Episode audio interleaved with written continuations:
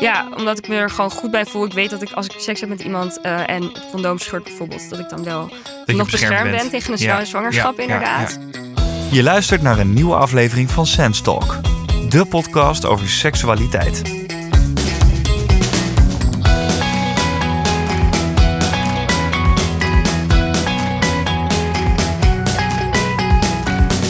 Welkom bij Sense Talk. We hadden even pauze in de zomer, maar we zijn weer helemaal terug. En deze zestiende aflevering gaat over anticonceptie. We hebben natuurlijk al de veertiende aflevering over condooms, maar er zijn nog veel meer anticonceptiemiddelen. Sterker nog, er zijn zoveel opties dat het soms misschien best lastig kan zijn om te kiezen wat bij jou past. Nou, om je daarbij te helpen staat deze aflevering compleet in het teken van dit onderwerp. En ik ga het erover hebben met twee jongeren die beide nogal wat ervaring hebben met anticonceptie. Aan tafel zijn aangeschoven Daisy van 24 jaar en Milene van 25. Daisy en Milene, welkom. Dankjewel. Zo, in koor inderdaad, synchroon. Fijn dat jullie even willen kletsen met mij. Tuurlijk. En jullie zijn nu niet zomaar, want Milene, jij adviseert onder andere scholen op het gebied van seksualiteit. Klopt, inderdaad. Ja, ik begeleid en adviseer scholen rondom uh, alles wat met seksualiteit te maken heeft. Ja, en deze, jij hebt uh, zelfs een scriptie geschreven over anticonceptie. Dat klopt toch? Ja, dat klopt. Dat was inderdaad mijn bachelorscriptie. Uh, dus ik vind het een super interessant onderwerp. En uh, ja, ik wil ja. graag vertellen wat mijn ervaringen zijn om mensen daarmee te helpen. Nou, heel fijn. Even om te beginnen, wat is anticonceptie überhaupt? Wie wil hem aftrappen? Nou, Daisy, het is jouw uh, afstuderen. Dus, uh... nou, anticonceptie, dat zorgt ervoor uh, ja, dat je niet zwanger kan raken bijvoorbeeld. En dat je geen SOA kan krijgen. En die heb je in verschillende vormen. Niet alle anticonceptie werkt bijvoorbeeld om niet zwanger te raken. Om niet een SOA te krijgen, sorry. Mm -hmm, ja, ja, ja, ja. dus ja, er zijn verschillende soorten. Um, ik weet niet of ik een paar voorbeelden zal noemen. Maar bijvoorbeeld een condoom of een pil of spiraaltje. Maar ook prikpil... Nou, wat dat allemaal uh, precies is, daar gaan we het uh, zo even over hebben. Wat hebben jullie zelf eigenlijk voor anticonceptie? Wat gebruiken jullie? Milena? Ik gebruik de pil. Eigenlijk al, ja, nu weer een tijdje. Ja. Ik ben ook een tijdje gestopt geweest, uh, maar ik slik hem al vanaf mijn vijftiende. Met een kleine break ertussen, maar inmiddels weer aan het slikken, ja. Dat werkt voor jou het beste? Ja, eigenlijk wel. Ik heb ook niet echt andere anticonceptie geprobeerd. Dus ik kan ook niet echt daar iets over zeggen. Maar ik heb wel al, ja, de pil dus geslikt. En uh, daar ben ik eigenlijk heel erg over te spreken. En ik heb ook een tijdje dus uh, dat ik hem even niet slikte. En dat was ook om te kijken van... Verandert dat nou iets aan mezelf? Je hoort, hebt toch wel eens verschillende verhalen gehoord van... Oh, zou dat nou effect hebben op hoe je je voelt, op je stemming of uh, op je gewicht. Maar eigenlijk, uh, ja, ik ben er een aantal jaar mee gestopt. Dus dat is ook echt wel even een periode. Maar ik heb eigenlijk nooit, ik heb geen verschil gemerkt. En dat nee. was ook voor mij de reden van, nou, dan kan ik ook weer gewoon beginnen met slikken. Ja. Ik denk dat jij ook wel uh, daarmee de meest bekende vorm van anticonceptie hebt voor vrouwen. Zeker, ja. zeg maar die vrouwen kunnen gebruiken. Wat doet de pil eigenlijk? Ja, de pil is eigenlijk een, een pilletje wat je elke dag inneemt. Drie weken lang. En dan heb je een periode dat je hem niet slikt. En dat is ook wel je stopweek.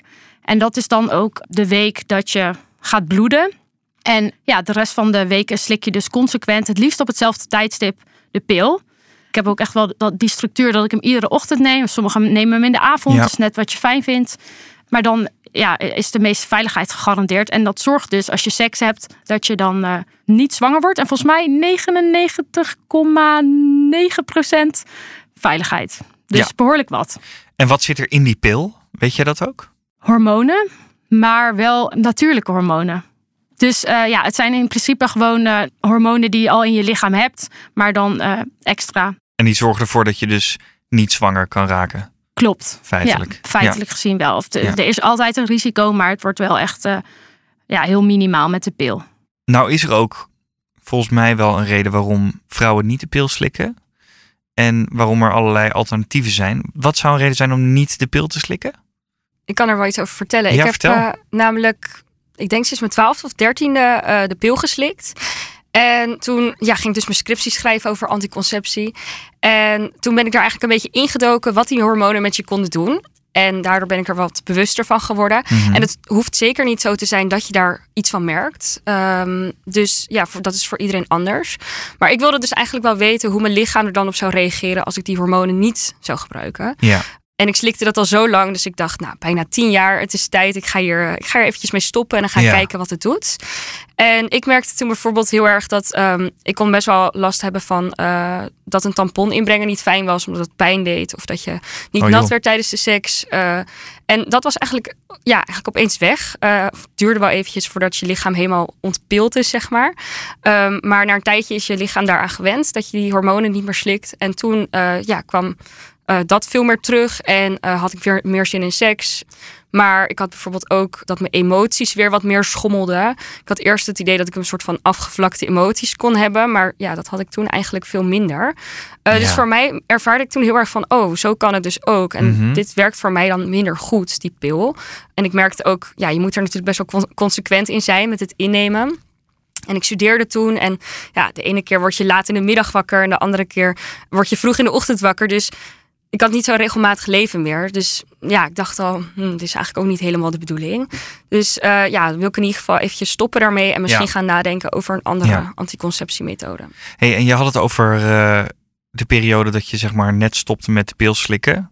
Ja. Wat merk je dan tijdens het ontpillen? Nou, eigenlijk... Voordat je lichaam eraan gewend is. Ja, nou dat kan dus best wel, best wel lang duren. Voordat, eh, Mhm. het kan ongeveer een jaar duren voordat je lichaam helemaal van ja, ontpild is, zeg Mhm. maar. Ehm, Goed woord. ja, Wel. Ja, die houden we erin. Ja, voor dik vandaag. ja, ik ga hem insturen. Ik ben altijd wel benieuwd, omdat ik was daar natuurlijk ook heel erg mee bezig in die tijd. Van, oh ja, zou ik nou iets merken? En natuurlijk heb je het ook met vriendinnen over. Wat gebruik jij en hoe, wat voor een invloed heeft dat? Want bijvoorbeeld als je meer zin hebt in seks, dan denk ik altijd weer... kan natuurlijk ook aan de partner liggen of aan de prikkels die je krijgt. Of Mhm. eh, aan een fase in je leven waarbij je gewoon meer vervelende dingen meemaakt. Dat je meer last hebt van stemmingswisselingen. Dus dat ik zelf merkte van, oh ja, ik was altijd voorzichtig met echt uitspreken van... oh, dat is dan te, wij- te wijten aan de pil Ja. of niet. En ik Ja. denk dat dat ja, voor heel veel mensen gewoon lastig is. En ja, de een die zal echt duidelijk merken... ja, ik heb echt het idee dat het daarmee te maken heeft. En de ander, ja, dan denk ik ook... vraag jezelf ook af, zijn er misschien andere... eh, dingen die in je leven spelen... die daar ook van invloed kunnen zijn? Ik bedoel, als je ineens Ja. een partnerwissel hebt gehad... dan kan het natuurlijk ook daarin liggen... dat je misschien ineens weer wat meer zin hebt in seks. Ja, zeker. Want is dat ooit aangetoond dat eh, de pil zeg maar zoveel invloed kan hebben op je seksuele verlangens en Ja. op het nat worden, et cetera? Ja, er zijn wel onderzoeken naar gedaan. Maar ja, zoals ik al zei, kan het voor iedereen heel erg verschillen. Dus het hoeft niet per se zo te zijn dat eh, ja, dat, dat van invloed op jou is. Maar Ja. sommige mensen ervaren dat meer dan andere mensen. Ik weet Ja. niet waar dat verder aan ligt. Ja. Hey, en er zijn ook nog verschillende vormen van dosering, geloof ik, hè, bij zo'n pil. Klopt. Dus niet één pil of één bepaalde hoeveelheid hormonen die je Nee. kan slikken, toch? Nee. Heeft dat nog invloed? Ik denk dat dat zeker invloed heeft als je op consult gaat bij de huisarts om even advies in te winnen. Want de huisarts, eh, ja, die weet daar gewoon veel van af. Het is altijd trouwens goed om te doen als je wil switchen van anticonceptie of aan anticonceptie wil gaan. Om even eh, bij je huisarts langs te gaan. Maar hij kan ook, of hij of zij kan ook met jou kijken van wat is nou, wat is nou passend. Ehm, dus dat hoef je ook niet zelf te beslissen. En vaak is het ook zo dat je gewoon wat uitprobeert, kijkt hoe je daarop reageert. En als, als je merkt van hé, hey, ik voel me anders, dan zal de huisarts wellicht een, in dit geval, pil voorschrijven die misschien minder hormonen heeft of net een andere variant. En dan ga je dat uitproberen. En zo is het ook een beetje gewoon kijken wat goed voelt. Ja. Ja, Dus er Ja. is geen heilig recept van eh, deze hoeveelheid is, eh, Nee, is, perfect. Nee. ik zou dat zeker aanraden. Want als je dan aan jezelf merkt dat je heel erg verandert qua emoties. Of dat je denkt, nou, ik word echt super chagrijnig. Om, of iets anders, je voelt jezelf eigenlijk niet lekker. Dan zou ik inderdaad zeker teruggaan naar de huisarts. En gewoon je klachten goed uit proberen te leggen. En dan wordt er altijd gekeken naar een andere optie. Dus of in de vorm van bijvoorbeeld een andere pil. Of misschien een andere vorm van anticonceptie. Er wordt wel echt goed naar je geluisterd en gekeken van... hé, hey, wat past er bij jou en Ja. wat zouden we je dan aanraden? Ja. Nou ja, jij hebt dus de pil, Milena, maar jij hebt weer een andere vorm van anticonceptie eh, ontdekt, toch, eh, Ja. Daisy? Klopt, ja, ik heb een koperspiraaltje. Ehm, omdat ik dus eigenlijk eh, ja, wel graag af wilde van de hormonen. Ja, en wat is een koperspiraaltje? Een koperspiraaltje, dat is een, ja, een soort theetje. Eh, en die zit eh, in je baarmoeder. Eh, een en- theetje als in de letter T. vorm, een Ja, vorm, ja. een- de vorm van een De, thee. letter- de vorm van een thee, inderdaad. Ja, ja. En eh, die zorgt ervoor dat koperionen worden afgestoten, waardoor je baarmoederslijmvlies wat dikker wordt. Eh, waardoor het eitje uiteindelijk niet in je slijmvlies kan nestelen. Ja. Waardoor je dus niet zwanger kan raken. Ik ken hem eigenlijk alleen maar als het spiraaltje. Is er nog verschil tussen de spiraal en de koperspiraal? Ja, je hebt een uh, hormoonspiraaltje, dus die geeft wel uh, hormonen plaatselijk af. Oh ja. En je hebt een koperspiraaltje. En Oh een ja. koperspiraaltje, er zit er dus geen hormoon in. Ja, en wat is jouw ervaring met dat Ja. koperspiraaltje? Ja, heel goed. Ja, ik ben dus toen eerst ben ik dus gestopt met de pil. En dat heb ik ongeveer een jaar volgehouden. Maar ik had op dat moment wel wisselende sekspartners. Dus ik dacht, nou, dan vind ik het toch wel fijn om in ieder geval wel wat meer zekerheid te hebben dan alleen op een condoom, de veiligheid van een condoom af te Ja. gaan. Dus toen eh, heb ik ervoor gekozen om dan het koperspiraaltje te laten zetten. De eerste keer was het niet helemaal goed gegaan, want hij was verplaatst. Oké. Dus toen moest ik wel na zes weken terug. Want ze gaan na zes weken altijd even kijken van... hey, zit, Zit hij nog goed? goed? Eh, ja, dus dat is wel heel fijn. En toen bleek dus dat hij niet goed zat. Dus toen moest ik hem eruit laten halen. En ja, toen hebben ze daarna... eh, heb ik twee weken gewacht en mocht ik daarna weer terugkomen. Toen heb ik een nieuwe gekregen, dus eh, het koperspiraaltje weer. En ja, daar ben ik super tevreden over. Ja. Ehm, je kan niet meer reguleren wanneer je ongesteld eh, wordt. Want dat ja. kan bijvoorbeeld bij de pil wel. Maar verder, ja, ik merk dat ik er weinig last van heb. En ik hou in mijn telefoon bij wanneer ik ongesteld ben elke keer. Want Ja. je wordt wel ongesteld. Ja, want je daar wordt wel hoor, ongesteld, hoor je ja. ook wel wisselende verhalen Ja, over van... zeker. Word je, word je nou ongesteld? Sommigen zeggen ik word nooit meer ongesteld. Anderen zeggen ik eh, ben te pas en te onpas ongesteld. dus het kan een beetje... Ik hoor Ja. van alles. Ja, nou ja, bij een hormoonspiraaltje eh, kan het voorkomen dat je niet meer ongesteld wordt. Maar dat is ook niet altijd zo. Maar dat zou dus wel kunnen. Maar bij een eh, koperspiraaltje word je in principe ongesteld. Omdat ja, je, je natuurlijke eh, hormoonlevels in je Ja. lichaam houdt. En er wordt gezegd, sommige mensen die hebben wel meer last van hun menstruatie. Die ervaren iets meer buikpijn, iets meer bloedverlies. Mhm. Ehm, maar ik moet zeggen dat het bij mij eigenlijk wel meevalt. Ik heb wel iets meer buikpijn, relatief gezien. Maar dat vind ik echt verwaarloosbaar voor alle andere voordelen die eraan Ja? zitten. Ja. Ja, omdat ik me er gewoon goed bij voel. Ik weet dat ik als ik seks heb met iemand eh, en het condoom scheurt bijvoorbeeld, dat ik dan wel eh, je nog beschermd beschermd bent. ben tegen een zwangerschap, Ja, inderdaad. ja, ja. Dus dat vind ik heel prettig. Dus niet tegen SOA, maar wel tegen een zwangerschap. Precies, ja, je kan nog wel een SOA krijgen. Ja, is toch wel goed om daar de hele tijd bij te Ja. zetten. Want ik vergis me daar ook soms wel even in hoor. Ja, het zijn echt twee verschillende dingen. Echt twee verschillende dingen, Je ja. Zeker. zwanger worden en een SOA krijgen. Dat is natuurlijk worst case scenario als je dat niet wil. Dus Ja, het zijn wel echt twee dingen waar je op moet letten. Ja, en over het spiraaltje hoor je wel wisselende verhalen. Sommige mensen zijn er heel blij mee. Nou, jij, obviously. maar je hoort ook wel mensen die gewoon, ja, toch wel wat minder ervaring hebben gehad met het spiraaltje. En wat kan je tegen die mensen zeggen die nu twijfelen of ze wel of niet een spiraaltje moeten nemen? ja. Nou, bij mij is het natuurlijk de eerste keer ook niet goed gegaan. Ja, Maar als je denkt dat een spiraaltje het best bij je past, omdat je bijvoorbeeld niet echt een eh, hele regelmatige levensstijl hebt en bijvoorbeeld de pil snel zou vergeten, eh, of wanneer ehm, ja, je geen hormonen wil gebruiken, zou ik zeker aanraden, laat het gewoon zetten. Want het is, ja, het is pijn voor heel eventjes. Tuurlijk is het niet fijn om het te laten zetten. Mhm. Maar het kost zo weinig tijd en daarna ben je er in ieder geval voor vijf tot tien jaar zelfs van af. ja. Ehm, dus ik zou zeker aanraden om het gewoon te doen. Ehm, en mocht het niet voor jou werken, dan kan die er ook zo weer uit. Dus het is niet dat het iets heel erg definitiefs is. Nee. Eh, het kan er ook dan weer Ja. uit. En bespreek het met je huisarts. En bespreek het met de huisarts. Zeker. Dat is inderdaad ook belangrijk. Ja. precies. Ja, Ja. ja. Kunnen jullie iets meer vertellen over wat de andere vormen van anticonceptie zijn naast de condoom en de pil en het spiraaltje? Ja, je hebt eh, bijvoorbeeld eh, eh, ook een ring die je kan inbrengen. Ehm, en die, ehm, ja, die geeft dan hormonen af. En het werkt eigenlijk hetzelfde als bijvoorbeeld met de pil. Eh, dus die heb je dan drie weken in. En dan na die drie weken, dan hou je hem eruit. En dan ben je eigenlijk een weekje ongesteld. Dus dan is dat je stopweek. En dan na die stopweek, dan doe je de ring er weer in. Dus het is eigenlijk een beetje hetzelfde als met de pil. En dat is makkelijk in te brengen, toch? Ja. Dat, eh, ja, Ja, dat klopt, hoeft ja. ook geen eh, heel, hele grote moeite te zijn. Waar breng je die dan in? Die breng je in in je vagina. Ehm, je kan hem eh, ja, soort van plat duwen. Het is een, een flexibel ringetje. En die Mhm. kan je plat duwen. En dan breng je hem in je vagina in. En dan blijft hij daar, blijft hij daar zitten. Oké, ja. Eh, bij een ring ehm, worden inderdaad hormonen plaatselijk afgegeven. Ehm, dus sommige mensen zeggen dat ze daardoor eh, eigenlijk geen last hebben. Of dat ze geen, geen effecten merken van de hormonen. Fysiek, zeg maar. Maar bijvoorbeeld bij een eh, staafje, dat gaat door je hele lichaam.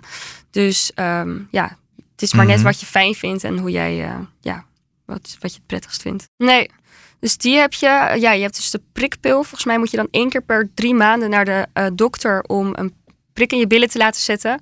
Eh, en die, eh, ja, een prik met hormonen, waardoor je dus ook niet eh, eh, eh, niet zwanger kan raken. Vereist net even wat meer moeite. Dat je dus elke keer naar, naar de huisarts Ja. moet voor zo'n prik. Dus ja, het is net of je daar, eh, Of je daar Ja, zin in hebt. of je daar zin in Ja. hebt. Ja. Ja. ik zou zelf denken, oh ja, ik wil er liever gewoon vanaf zijn. Dus Ja, En zijn ze allemaal net zo safe en allemaal net zo prima om te gebruiken? Of alle anticonceptiemethoden hebben sowieso voor- en nadelen. Het is dus ook maar wat bij je past en hoe je lichaam erop reageert. En ja, Ja. de kans is er gewoon altijd. Dat, Ja. dat moet je ook gewoon in je achterhoofd houden. ja, Het is niet, eh, je bent niet eh, geheel zonder risico's. Je kan altijd die ene of 2 procent zijn bij wie het misgaat. ja, Vandaar ook dat eh, we het condoom blijven benoemen. Ja, en het Hmm. beschermt inderdaad natuurlijk ook niet tegen SOA's. Ja, god. Als jij ineens zwanger raakt op deze leeftijd... is het natuurlijk wel even anders als je als eh 30 of 40-jarig eh, ja. vrouw... wellicht een, een eh, steady leven hebt en dan daar eens mee gaat experimenteren. Ja, en alle dingen die we nu bespreken, alle methodes eh, van anticonceptie, slaan eigenlijk allemaal op de vrouw. En dingen die een vrouw moet doen. Maar is dit ook een belangrijk thema voor jongens, denken jullie? Zeker. Ja, zeker. Zeker. Je, gaat je doet gezamenlijk de daad, dus je bent ook gezamenlijk verantwoordelijk. En natuurlijk draagt de vrouw de fysieke lasten als het misgaat. En ja, precies. je Een vrouw kan zwanger. worden, een man natuurlijk Precies. Hij hoeft het niet eens door te hebben als het gebeurt. Want het, ja, een vrouw merkt het natuurlijk hoe dan ook. Ja. Eh, maar je bent natuurlijk gezamenlijk verantwoordelijk. Want je besluit gezamenlijk om met elkaar seks te hebben. En nu ligt het natuurlijk wel vaak... eh, is het de verantwoordelijkheid van de vrouw. Omdat, eh, ja, er zijn allemaal anticonceptiemiddelen voor de vrouw. Ja, eigenlijk het enige wat een man nu echt volgens mij kan doen, is gewoon het condoom. Dat Ja. klopt toch? Ja, klopt. Ja. En eh, ja, het is best wel, best wel lastig, want ik verbaas me er soms wel een beetje over. Mannen die hebben best wel, leggen best wel de verantwoordelijkheid bij de vrouw. Omdat inderdaad de vrouw een eh, spiraaltje gebruikt of een pil slikt of ehm, ja, inderdaad de anticonceptiemethode gebruikt.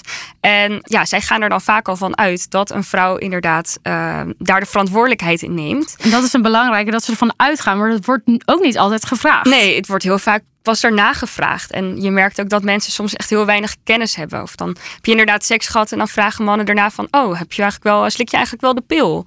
En het is Ja. echt niet altijd van, oh, eh, het interesseert me niet bij mannen. Eh, ik geloof ook echt wel dat het een gebrek aan kennis is. Zeker. Dat, dat, ja, dat zijn wel Ja. twee verschillende dingen. En Ja. ja. soms is het ook gewoon onwetendheid. Ja, Maar goed, ik neem aan dat iedereen wel een, op een gegeven moment een bepaalde basiskennis heeft over hoe, hoe werkt seks en wat zijn de risico's. Ja, en hoe kan je die verantwoordelijkheid dan delen?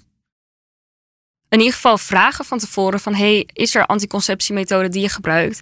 En in ieder geval ook akkoord gaan als je zegt van... hey, ik vind het fijn om een condoom te gebruiken. Of dat zelf voorstellen van... hey, laten we een condoom gebruiken. Ja. Zodat het niet alleen de verantwoordelijkheid van de vrouw is, zeg maar. Oh, Ja. ik heb hier echt een aansluitend verhaal. Omdat dat ik dezelfde situatie had waarbij eh, een jongen inderdaad had gezegd van... eh, ja, ik wil zonder condoom. Nou, dat riep bij mij natuurlijk frustratie op. Want ik dacht, ik wil... Ik was toen niet aan de pil en ik dacht, ja, dat, dat kan gewoon niet. Want Nee. ik heb geen anticonceptie. Ik was in mijn tijd dat ik gestopt was.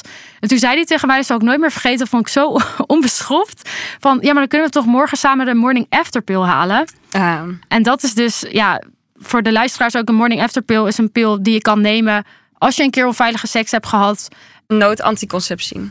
Wordt Ja, het ook wel eigenlijk genoemd. precies, Ja, dus het is ja. echt, eh, ja, voor als er inderdaad een ongelukje gebeurt, je, je condoom is bijvoorbeeld gescheurd en je Ja. hebt geen andere eh, anticonceptiemethode gebruikt, dan kan je de morning after. Ja, precies. Ja, en ik zeg ook dat het onbeschoft was, maar wellicht dat hij ook helemaal niet eh, wist natuurlijk dat dat eh, geen vorm van anticonceptie is en dat dat Nee. niet gebruikelijk is. Dus nee, en dat wat, moet ik ook wel toegeven. Dat dat, eh, ja, dat kan gewoon onwetendheid eh, zijn inderdaad. En volgens mij kan het ook wel best een beetje vervelend zijn om een morning after pill te slikken. Tenminste, van wat ik gehoord heb, eh, kan je daar best wel een beetje van slag van zijn. Ehm, nou, ik heb zelf inderdaad ook wel een paar keer een morning after pill geslikt. Eh, ja, dat verschilt ook inderdaad Ja, per persoon hoe jouw lichaam persoon. daarop reageert. Het zijn in principe nog steeds lichaams-eigen hormonen. Dus dan ehm, ja, is het niet dat je iets super raars of zo binnenkrijgt. Ja, maar al met al is dus eigenlijk jullie advies of jullie mening... joh, probeer samen die verantwoordelijkheid te dragen... en eh, doe dat door er gewoon open over te communiceren. ja. Ja. ja, hoe kan je dat bespreekbaar maken? Nou, ik zelf ben best wel open en makkelijk. Ja, ben, ik ben, vind het best makkelijk om dit soort dingen bespreekbaar te maken. Maar ik kan Ja. me ook voorstellen dat als, het, als je dat wat spannender vindt, dat het dan wat meer een drempel is. Maar ik zou toch adviseren om ja, hoe kan je het bespreekbaar maken? Eigenlijk gewoon door het aan te kaarten en door te zeggen van, joh, ik gebruik geen anticonceptie of ik gebruik wel anticonceptie, dus uh, zullen we het condoom gebruiken of niet? Maar dat je daarin samen de afweging maakt. Um, ja, zodoende samen van tevoren dat besproken hebt. Zodat je ook allebei weet van waar je aan begint, zeg maar. Ja, en als je het heel spannend vindt om het daarover te hebben, dan zou ik ook gewoon kunnen adviseren om een condoom te pakken en die tevoorschijn te halen. En dan open je het gesprek vanzelf wel. Ja, door er ehm, eigenlijk gewoon dus vanuit te gaan dat je een condoom gebruikt. En als de ander zegt van nou, ik ja. Uh, slik de pil of whatever, kan je altijd nog beslissen om misschien niet te doen. Maar als je het niet uh, direct wil aankaarten, zou ik inderdaad gewoon een condoom pakken. Dan, um, ja, dan ga je uiteindelijk. Je kan het ook bij die andere persoon omdoen. Dan kan het ook wel in het spel iets minder moodkiller zijn. Als jij bijvoorbeeld uh, die persoon helpt met een condoom ja. doen. Ja, en als iemand zegt ik wil het niet gebruiken. Ja, dat, en dat is, kan natuurlijk een beetje een moodkiller zijn. Maar ja, dat, dan vraag ik me ook af als jij het wel wil gebruiken en hij niet. Dan ja, vraag, vraag ik me een beetje af van hoe leuk is het dan tussen jullie? En wat ik bijvoorbeeld heel fijn vond, is dat ik eigenlijk altijd condooms op zak had. In de tijd ook dat ik geen pil gebruikte. Dat was natuurlijk ook echt mijn stok achter de deur. Want anders kon het ook niet. Als je dan in een situatie komt en niemand heeft het, ja, dan kan je geen seks hebben. Maar dat ik ook wil zeggen van de verantwoordelijkheid hoeft echt niet alleen maar bij de man te liggen om condooms op zak te hebben. Want dat is ook soms een beetje wat er dan wat de gedachte is. Maar uh, vrouwen kunnen ook gewoon condooms op zak hebben. En dat is niet sletterig of gek. Of... Nee probeer ze dan wel goed te bewaren. Dus uh, in je portemonnee moet je ze bijvoorbeeld niet de hele tijd houden. Want door temperatuurverschillen eh, verschillen en door wrijven kunnen ze dan eerder scheuren. Dus zorg dan dat je die regelmatig ook wisselt voor nieuwe. Um, hou hem niet op warme plekjes uh, of plekken die snel warm en koud worden. Uh, en ook niet bij je sleutels en andere scherpe voorwerpen. En daarnaast, als je een leren portemonnee hebt, krijg je een hele lelijke ronde afdruk aan de buitenkant. dat ook nog, ja. En dat vond ik persoonlijk weer heel vervelend. Ja, dat is ook belangrijk. Ook een hele goede tip voor de luisteraar. ja. Waarom is het nou eigenlijk zo belangrijk dat we het hierover hebben? En dat deze zestiende aflevering hierover gaat? Nou, ik denk omdat het ook soms best wel een taboe kan zijn. Um, ik ben zelf best wel in een omgeving waarbij er wel makkelijk gepraat wordt over seksualiteit, uh, anticonceptie, uh, nou, condoomgebruik, eigenlijk alle, alles rondom seksualiteit. Maar ik kan me ook voorstellen, en zeker als je wat jonger bent, dat dat helemaal niet zo vanzelfsprekend is. En dan is het natuurlijk heel belangrijk dat iedereen betrouwbare informatie heeft en krijgt. Mede door bijvoorbeeld deze podcast, maar ook door wellicht voorlichting op school. Ja. Dat iedereen dezelfde basisinformatie heeft en uh, weet hoe het in zijn werk gaat en wat je kan doen. Ja. En bij wie je, wie je kan raadplegen voor meer informatie. Ja, en dit is natuurlijk een hele eenvoudige manier eigenlijk als je het zo, ja, als je een beetje kennis erover hebt, om inderdaad een SOA te voorkomen en om een ongewenste, uh, ongeplande zwangerschap te voorkomen. En um, dus ik denk dat het goed is om daarover na te denken en ja. Uh, ja iets met die kennis dan te doen. Nou, misschien ter, ter overvloede dan, maar uh, hebben jullie nog een laatste tip voor de luisteraar? Ja, zorg er in ieder geval gewoon voor dat je uh, naar je eigen situatie kijkt. Dat je bij de huisarts, dat je met die persoon in gesprek gaat. Uh, om te kijken welke anticonceptiemethode het best bij je past. En um, zorg dan ook dat je, uh, mocht je iets niet fijn vinden en jezelf ergens niet bij, prettig bij voelen, dat je weer opnieuw naar die huisarts gaat. En dan um, een andere, andere methode probeert. Um, dus hou je niet de rest van je leven aan één methode vast. Maar ja, probeer wat dingen uit en kijk wat voor jou het fijnste is. Want ik ja. denk dat het voor iedereen ja, anders is. Ja. Ja, en aansluitend op deze, uh, je, je kan natuurlijk ook uh, kijken op uh, sens.info voor te kijken welke anticonceptie het beste bij je past. Door een aantal vragen in te vullen en dan komt er een advies uit. Um, ja, vergeet dan ook niet om even naar de huisarts te gaan om dit nog voor te leggen en dit te bespreken. Want dat is natuurlijk altijd nog goed om te doen. En wat betreft uh, de keuze van anticonceptie kan je ook nog nadenken over wil ik zien dat ik ongesteld word of niet? Of wil ik dat merken? Dus dan kan het misschien ook iets zijn wat je meeneemt in je overweging. Dank jullie wel. Dankjewel. Dankjewel. Dat was hem dan, de 16e aflevering van Sense Talk. Wil je nou nog meer weten over anticonceptie? Jij zei het al, Milene. Dan ga je even naar onze website, sens.info is dat. En daar vind je natuurlijk nog veel meer informatie over seksualiteit. We zouden het ook heel leuk vinden als je ons volgt op Instagram. Typ dan gewoon Talk in de zoekbalk en dan heb je ons gelijk gevonden. Tot de volgende keer. Dit was Talk. Wil je meer weten? Ga voor al je vragen over seks naar sens.info.